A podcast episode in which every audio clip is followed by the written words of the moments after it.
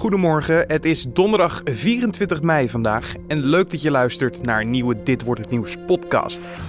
Mijn naam is Carne van der Brink en ik praat je weer bij over het nieuws van afgelopen nacht en natuurlijk ook wat er vandaag gaat gebeuren.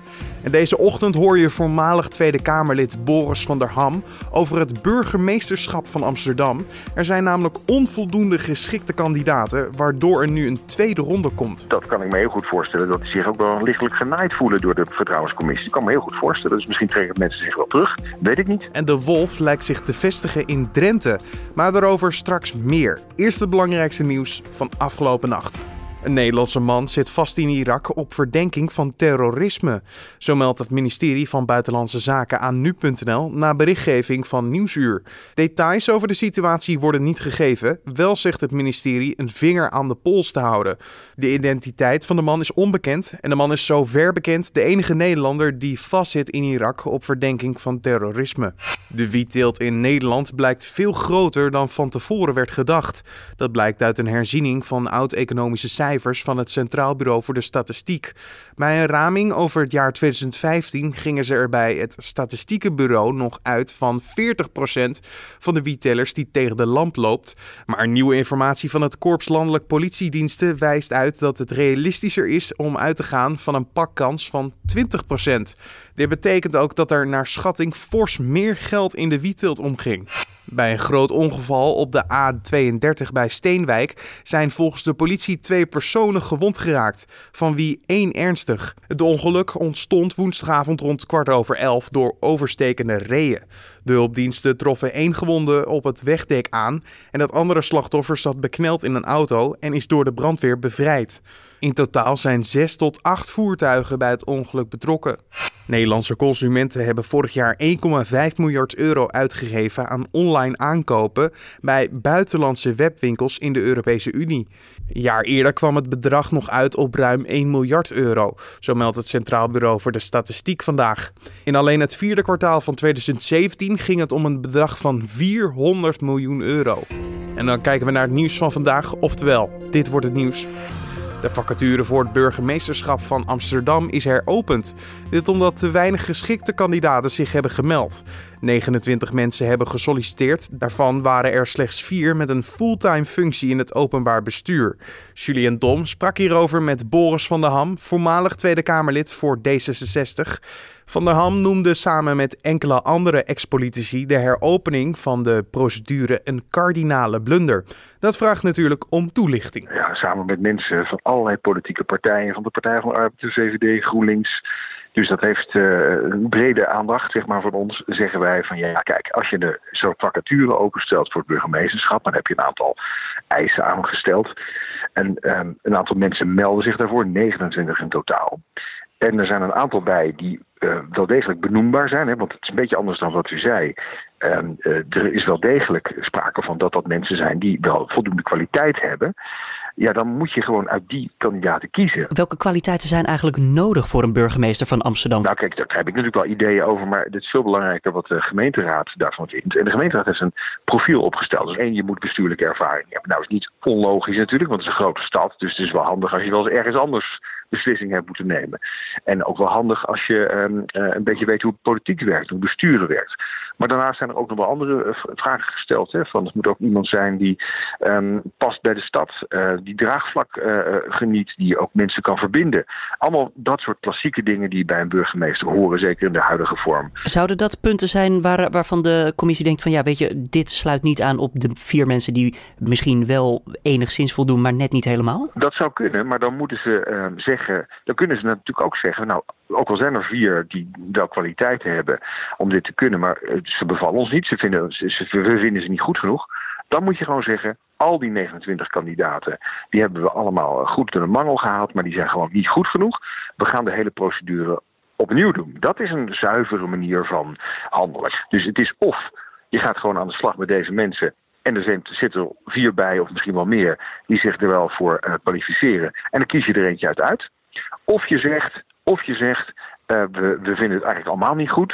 en we gaan helemaal opnieuw beginnen. Dan krijg, geef je weer echt mensen weer een nieuwe kans. Dus is wij eigenlijk zeggen, sowieso niet een heel weinig animo? 29 mensen in totaal voor zo'n baan, de burgemeester van Amsterdam?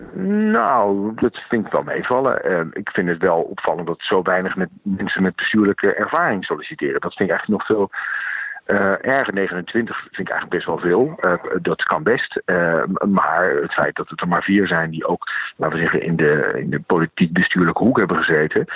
Wat niet per definitie een kwalificatie is. Er zijn natuurlijk ook wel burgemeesters die hele andere publieke functie hebben gehad. De burgemeester van Maastricht bijvoorbeeld is niet partijpolitiek. Heeft ook nooit, is nooit burgemeester geweest, maar had een heel grote carrière in, bij het Openbaar Ministerie. Dus die wist ook iets over veiligheid. Dus het hoeft niet altijd iemand te zijn die een oud politicus is. Of, dat hoeft helemaal niet. Maar eh, maar het punt dat iemand solliciteert uh, op een functie die je graag wil hebben als het burgemeesterschap van Amsterdam. Dat is ook een belangrijk uitgangspunt om te laten zien dat je die functie ook echt heel belangrijk vindt. En als je dat niet hebt gedaan op het moment dat die vacature open staat en bijna ja, in tweede instantie pas gaat solliciteren, dat, dat, dat lijkt me sowieso niet goed. Is het ook problematisch voor bijvoorbeeld de waarnemend burgemeester Josias van Aartsen, die er nu al een tijd zit? Nou, hij heeft gezegd dat hij graag voor de zomer weg wil. Uh, ik kan me voorstellen dat dat niet gaat gebeuren. Dus dat, de vakantie die hij misschien aan zijn vrouw heeft beloofd... of uh, andere plannen die hij had voor na de zomer... dat hij daar toch even een... Uh, dat hij even in potlood langzaam moet gaan lopen uitgummen. Want het kan best wel langer duren.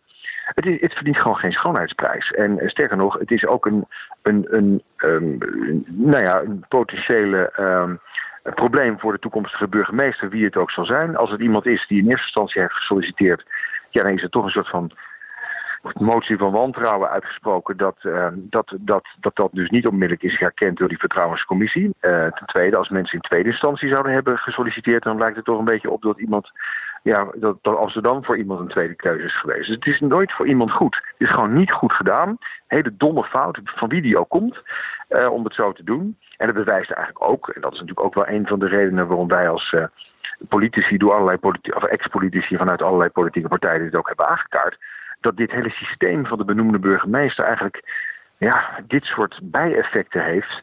En dat je eigenlijk zou moeten gaan naar een direct gekozen burgemeester door de bevolking. Moeten we het allemaal weggooien op dit moment en gewoon opnieuw beginnen dan nu? Nou ja, ik, ik, ik vind dat het erg. Ik, bedoel, ik zou dat graag willen. Eh, maar dan zou dat misschien onrecht doen aan mensen die wel degelijk kwaliteiten hebben, maar die al gesolliciteerd hebben.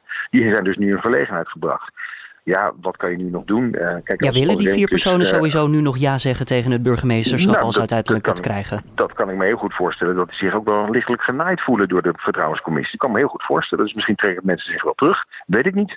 Um, um, ik hoop in ieder geval um, dat misschien heel veel mensen zo verstandig zijn om nu niet in tweede instantie te gaan solliciteren. En dat ze het gewoon laten bij de, bij de mensen die nu al hebben gesolliciteerd.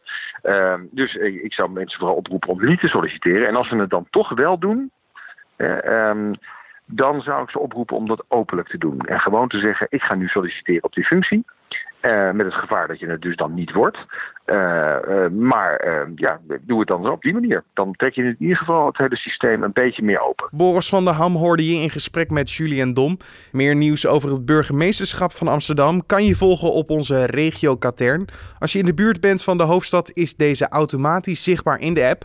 Anders vind je het Katern onder het kopje regio. In Drenthe is de afgelopen maanden meerdere keren een wolf gezien. Als het om hetzelfde dier gaat, is het volgens Staatsbosbeheer een teken dat de wolf zich mogelijk in Nederland vestigt. Een wolf ziet het gebied waar hij dwaalt na circa een half jaar als zijn eigen territorium. We praten hierover met ecoloog Huug Jansma van Wageningen Environmental Research. Het start dus bij het territorium. Hoe bakent een wolf dit eigenlijk af? Nou, als hij echt een territorium verdedigt, en dat begint eigenlijk pas op het moment dat hij zich echt gevestigd heeft, dan begint het met keutels plaatsen op uh, markante posities. En dat zijn uh, kruisingen van uh, bijvoorbeeld brede zandpaden in zijn bosgebied. Ehm, ja, en uiteindelijk kan dat dus leiden tot, tot een mooi cluster van keutels. En als het echt een roedel is en er zitten ook andere roedels omheen, dan kennen we het klassieke huilen van wolven die daarmee aangeven: hier zitten wij, dit is ons gebied, wegwezen. En er zijn geen andere dieren in Nederland die waarschijnlijk denken van... hé, hey, maar uh, wij zitten hier al. Uh, die wolf is waarschijnlijk de top predator, of niet? Nou, dat ook, maar je ziet dat heel veel uh, territoriale dieren vooral naar concurrenten, en dat zijn dus de soortgenoten onderling uh, territoriaal zijn en niet naar andere diersoorten. Uh, dus een vos kan wel denken van dat ik hier de roofdier ben en ik kan die wolf er niet bij gebruiken, maar daar trekt de wolf zich bijzonder weinig van aan dat deze wolf nu in Drenthe dwaalt, betekent dat dan dus wel, als ik u goed begrijp, dat er geen ruimte is voor andere wolven? Nou, dat is uh, niet het geval. Ten eerste, uh, we gaan ervan uit dat het om één en hetzelfde dier gaat, wellicht. Maar dat zal dus genetisch onderzoek op ons laboratorium binnenkort moeten gaan uitwijzen. Um, en uh, zoals je weet, een wolf alleen is eigenlijk geen echte wolf. De kracht van een wolf is het roedel. Dus ja, uh, hij zou er heel graag een paringspartner bij willen. En vroeger laat jongen van uh, dat paar. En dan praten we over een roedel. En dan ontstaat de situatie dat ze uh, vinden dat daar geen andere wolven meer bij kunnen. Althans niet binnen het territorium. Dan het DNA-onderzoek wat u zojuist even noemde. Hoe gaat dat eigenlijk in zijn werk? Nou, er zijn in Nederland twee uh, uh, aanvliegroutes waarom wij genetisch onderzoek doen. De eerste is schade. Als een agrariër doodgebeten landbouwhuisdieren heeft, in de meeste gevallen schapen, dan wil hij graag weten of dat door een wolf is gedaan. En als dat door een wolf is, dan krijgt hij schade uitgekeerd. Daarnaast de wetenschappelijke onderzoekskant.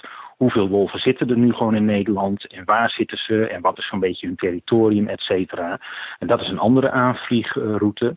Op dit moment is de belangrijkste DNA-bron die wij binnenkrijgen, dat zijn wattenstaafjes van bijtwonden van schapen. En we proberen daar het speeksel van de dader uit te halen. En in de meeste gevallen, als dat vers genoeg genomen is, zijn wij in staat om te vertellen of de dader een hond, een wolf, een vos of wat ook tegenwoordig zou kunnen, een jakhals is geweest. Stel, het gaat om dezelfde wolf. Hij vestigt zich in Drenthe. Past hij zich dan ook een beetje aan aan het leven met een mens? Want Nederland is best wel ja, bevolkt. Uh, zelfs in Drenthe ja, zal die ongetwijfeld her en daar mensen tegenkomen. Uh, maakt hij een verandering mee dan? Nou, wat je wel gaat, wat waarschijnlijk de belangrijkste aanpassing is, is dat als hij eenmaal een territorium heeft gekozen, uh, dat hij dus dat gebied goed gaat leren kennen en dus wanneer die waar welke natuurlijke prooien makkelijk kan bejagen. En dus minder in, in de situatie komt dat hij naar uh, bijvoorbeeld 50 kilometer weer uh, wegrennen naar een nieuw gebied. dus dat noemen we de nomadische, de zwervende wolf. dus zich in gebied op, opduikt wat hij niet kent en dus per ziet dat er de belangrijkste prooien die daar aanwezig zijn schapen zijn. Dus ik verwacht dat een gevestigde wolf steeds minder landbouwhuisdieren zal aanvallen en steeds meer zich uh, ja, onzichtbaar maakt voor de mensen, omdat hij zich uh, vrijwel volledig tot wilde hoefdieren zal beperken qua vraat. Maar ook met een situatie als bijvoorbeeld de snelweg, de A37 loopt door Drenthe. Snapt een wolf op een gegeven moment dat hij daar uh, misschien uit de buurt moet blijven? Want het is wel omringd door natuurgebied, misschien zijn territorium. Snapt hij dat hij beter niet kan oversteken na x aantal maanden? Ik denk dat dat heel erg individu uh, gerelateerd is. Of een dier daar wat alerter op is of niet. Um, en of daar echt gewenning of ervaring over optreedt, dat durf ik ook niet te zeggen. We hebben natuurlijk al wat filmpjes gezien in Nederland. Het dier op de 28 bij de Veluwe, wat nog net op tijd wist weg te draaien. Maar de wolf die bij Kloosterhaar in uh, Salland werd doodgereden, ja, die keek niet eens en stak gewoon met daglicht een provinciale weg over met alle consequenties van dien. Die werd er volgeraakt door een taxichauffeur. Wat moet je doen als je oog in oog komt te staan eigenlijk met een wolf? Stel je, je bent lekker in het bos aan het lopen en je ziet hem opeens. Ja, mijn eerste reactie zou zijn: ga genieten en realiseer hoe ongelooflijk uniek het is om zo'n mooi dier uh, te mogen zien. Want het zal in de praktijk zelden tot nooit voorkomen. En bijna altijd heeft hij jou wel eerder door en kiest hij ervoor om dus onzichtbaar te blijven. Um, bang voor hem hoef je helemaal niet te zijn. Uh, een wolf kan wel degelijk enigszins nieuwsgierig zijn. Dat gedrag zit er wel degelijk in. En dat is ook de reden waarom wij tienduizenden jaren geleden daar onze gedomesticeerde huishond aan over hebben gehouden. Uh, maar een wilde wolf, ja, kijk eens, vroeger hadden ze ons dolheid en praten we eeuwen terug. Dat was een riskante situatie, want dan zijn ze dus eh, letterlijk niet toerekeningsvatbaar. Datzelfde geldt voor een dier wat een verwonding oploopt, waardoor hij niet meer op normale wijze kan jagen. Die kan vanuit nood uh, dus ook tot makkelijke prooien gaan. En dan denk je dan aan een hond of, of een landbouwhuisdier of zo. Maar dat zijn hele incidentele en wat mij betreft verwaarloosbare uh, situaties. In de praktijk zullen we daar nauwelijks tot geen uh, problemen mee ondervinden in ons land. Als laatste en afrondende vraag, moeten we blij zijn dat de wolf zich weer in Nederland vestigt? Nou, ik denk dat we in Nederland zien dat we ontzettend veel uh, mooie natuur hebben die ook steeds beter met elkaar verbonden zijn door allerlei programma's die nationaal en internationaal zijn uitgerold dat de wolf daar weer een prachtige rol in kan spelen. Mede omdat wij dus eh, beleven toch wel de nodige schadeoverlast door de grote hoeveelheden hoefdieren, reeën, herten, zwijnen. Ja, en daar kan de wolf een fantastische rol in spelen. Huug Jansma was dat van Wageningen Environmental Research. En dit gebeurt er verder vandaag nog. Het Joint Investigation Team, dat onderzoek doet naar de crash van vlucht MH17, presenteert vandaag de tussentijdse onderzoekresultaten. Ook wordt de hulp van het publiek ingeroepen bij de speurtocht naar de daders van de vliegramp. Het JIT zei eerder dat er onomstotelijk bewijs is dat de vlucht MH17 is neergeschoten door een bukraket die werd afgevuurd vanuit een landbouwveld in Oost-Oekraïne. Nou kijken we waar onze collega's vandaag over schrijven. Zelfstandigen met schulden kunnen in veel gevallen niet bij hun gemeente terecht. Dat blijkt uit een onderzoek van Trouw langs de branchevereniging voor schuldhulpverlening NVVK, ZZP Nederland en de branchevereniging van de sociale diensten Divosa. Gemeenten hebben de plicht om mensen met schulden te helpen, maar ambtenaren weten vaak niet op welke hulp ZZP'ers recht hebben. Basisscholen gebruiken anti-pestprogramma's waarvan niet kan worden aangetoond dat deze werken tegen pesten. Dat schrijft het AD vandaag op basis van onderzoek van vijf Nederlandse universiteiten en het Trimbos Instituut. Voor het onderzoek zijn 8000 kinderen gevolgd en geanalyseerd. Gekeken is of er in hun klasse daadwerkelijk minder is gepest. Er zijn zeven methoden om het pesten terug te dringen, wetenschappelijk onderzocht. Bij vier methoden lukte het om het pesten terug te dringen. En dan kijken we even naar het weer van vandaag. Er is vandaag van tijd tot tijd ruimte voor de zon, waarna het later op de middag op de meeste plaatsen gaat regenen. Er kan dan veel regen gaan vallen en er is ook kans op onweersbuien en hagel. Ook kan het tijdens de buien stevig gaan waaien. Maar het wordt vandaag wel redelijk warm met warme temperaturen tussen de 23 en 25 graden. En dan nog dit. Een wetenschapper uit Nieuw-Zeeland staat aan het hoofd van een bijzonder internationaal team. Het team gaat met DNA-test onderzoek doen naar de eventuele aanwezigheid van een zogenaamd monster van Loch Ness. De wetenschapper Neil Gemmel gelooft zelf niet in het monster van Loch Ness, maar hij wil mensen meenemen op avontuur en wat wetenschappelijke kennis bijbrengen. Al eeuwlang gaat het verhaal dat in het meer van Loch Ness een groot dier zou leven. En verschillende getuigen zeggen dat ze het dier ook echt hebben gezien. Maar het bestaan is jammer genoeg nog nooit aangetoond. Dit was dan de Dit wordt het nieuws podcast voor deze donderdag 24 mei. Je vindt de Dit wordt het nieuws podcast natuurlijk elke maandag tot en met vrijdag om 6 uur ochtends op de voorpagina van nu.nl, via je desbetreffende podcast app of natuurlijk via Spotify. Laat ons weten wat je via de podcast vindt via een mailtje naar redactie.nu.nl of via recensie op iTunes. Ik wens je voor nu een mooie dag en tot morgen.